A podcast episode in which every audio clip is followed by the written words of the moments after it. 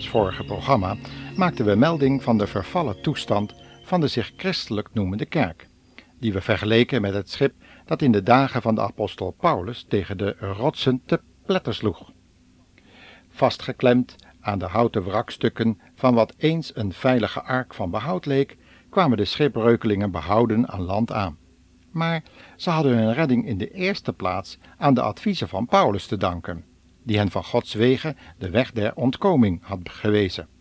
Zo wees de Heer Jezus daar op die olijfberg zijn toehoorders, de discipelen, eveneens een weg ter ontkoming. Een weg die hij zelf bleek te zijn, en die hij ook zelf zou moeten afleggen naar het kruis van Golgotha. En die de gelovigen te midden van de stormen van het leven ook kunnen bewandelen door zondebeleidenis, bekering, heiliging en geloofsgehoorzaamheid. Intussen worden oprechte gelovigen wel in hun geloof beproefd, want steeds weer horen we van profeten die zichzelf of een ander als de beloofde Christus aanbevelen, door meditatie, gedachteconcentratie, bepaalde zielsoefeningen en religieuze rituelen zou men nu reeds contact met deze soort Christussen kunnen krijgen, waardoor alles en wat je je maar in je gedachten wil voorstellen, gevisualiseerd en verwerkelijkt kan worden. Een waar succeschristendom dus. Maar hoe kunnen we deze valse Christussen en profeten eigenlijk ontmaskeren? Laten we luisteren naar wat de Heer Jezus hierover te vertellen had, daar op die olijfberg.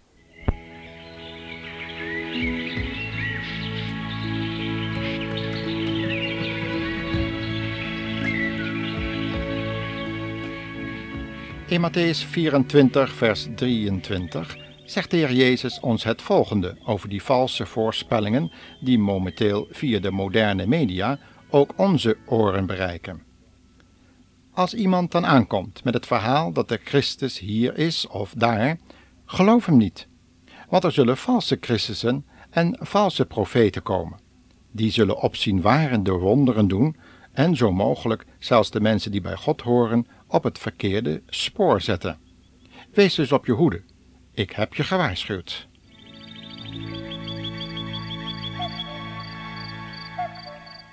Een van die valse profeten, die miljoenen lichtgelovige mensen en christenen op het verkeerde spoor heeft gezet, was Charles Darwin.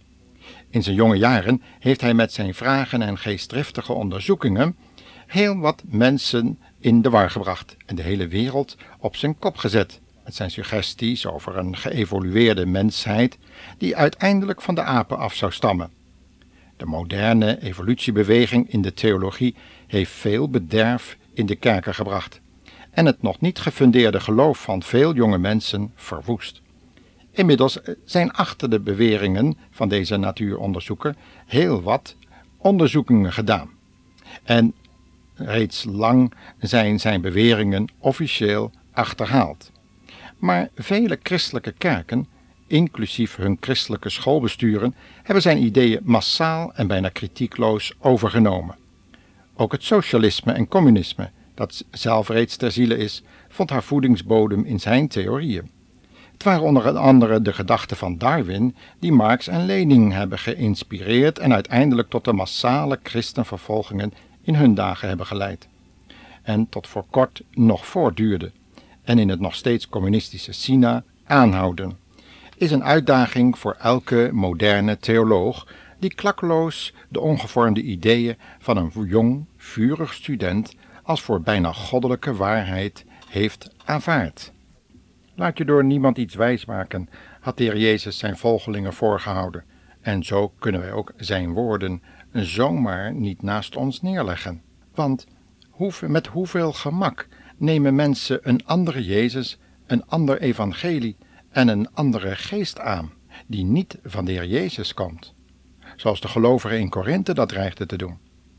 U kunt deze waarschuwende woorden lezen in 2 Korinthe 11 vers 4, waar Paulus zijn lezers vergeleek met Eva, die zich door de woorden van de slang liet verleiden tot een wijsheid die niet van boven was, maar van beneden, natuurlijk en duivels van oorsprong. Gelukkig is God een zoekende God. Hij houdt van zijn door de zonde verdwaasde en verblinde schepselen en toont hun zijn liefde op het kruis van Golgotha. Getroffen in het geweten bekeren mensen zich en nemen de Heer Jezus aan als hun heiland en Heer. En wat doet mijn luisteraar, jong of oud? Misschien heeft u al langere tijd geloofd in de leer van Darwin over de evolutie en de Big Bang. Maar heeft u ooit wel eens de Bijbel daarover gelezen en uw geweten laten aanspreken? Of hebt u gegeten van die boom van kennis van goed en kwaad en hebt u zich daardoor laten beïnvloeden? Lees het nog eens na in Genesis 3. En denk dan nog eens goed na over de gevolgen van wat Eva daar heeft ervaren. Elk uur, elk ogenblik steun ik op u. Uw woord alleen, o Heer, vertroost mij nu. Mijn ziel heeft u van nodig, elk uur, elk ogenblik.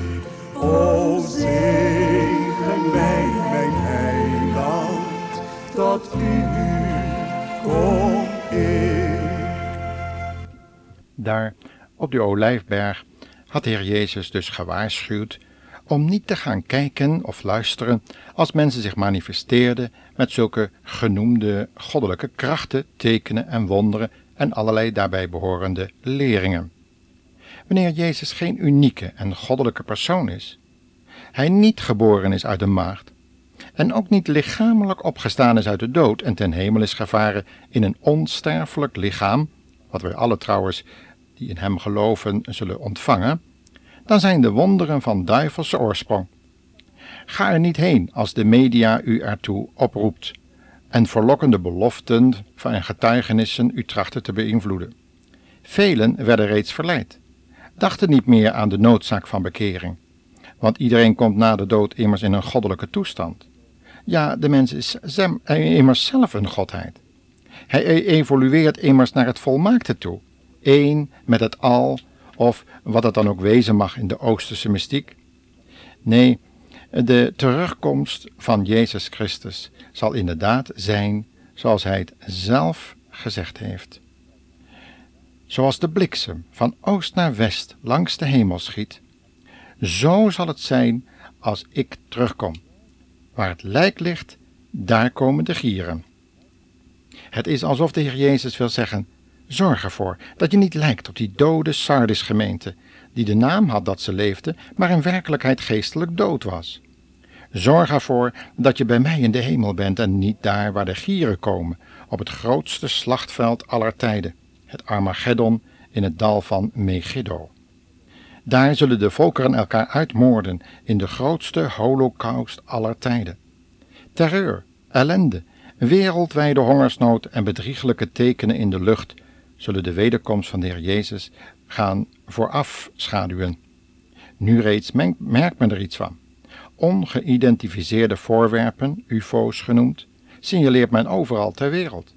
Men dwengt in de verdwaasde fantasie aan bewoners van andere planeten men geeft miljoenen aan onderzoekskosten uit om geluiden van andere beschavingen in de sterrenhemel op te vangen.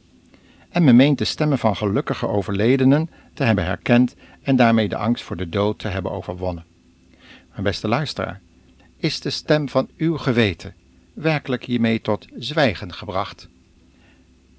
De Bijbel erkent de mogelijkheid dat mensen hun hart kunnen verharden de stem van het geweten kunnen overstemmen met vermeende resultaten van een occulte wetenschap en filosofie. Maar eenmaal moeten alle mensen voor de grote witte troon van God verschijnen. En zal die zogenaamde wetenschap dan voor u kunnen pleiten? Zullen dan de elektronische geluiden die uh, zogenaamde overledenen moeten vertegenwoordigen, die hun geruststellende woorden u in de oren fluisteren, dan voor u kunnen getuigen? Of zal het de stem zijn van de Heer Jezus? die zal vragen: Wat heb je met mijn kruis gedaan? Wat heb je met mijn offer gedaan, wat ik voor jou op het kruis gegeven heb? Laat deze stem in uw geweten doordringen, luisteraar. En laat die stem u op de knieën brengen, zodat u uw zonde beleidt, uw geweten bij Hem ontlast door het te beleiden en door die zonde weg te doen, zodat u Hem als Heer kunt aannemen in uw leven. Dan zal er werkelijk vrede komen, zekerheid van de verlossing, hier en nu.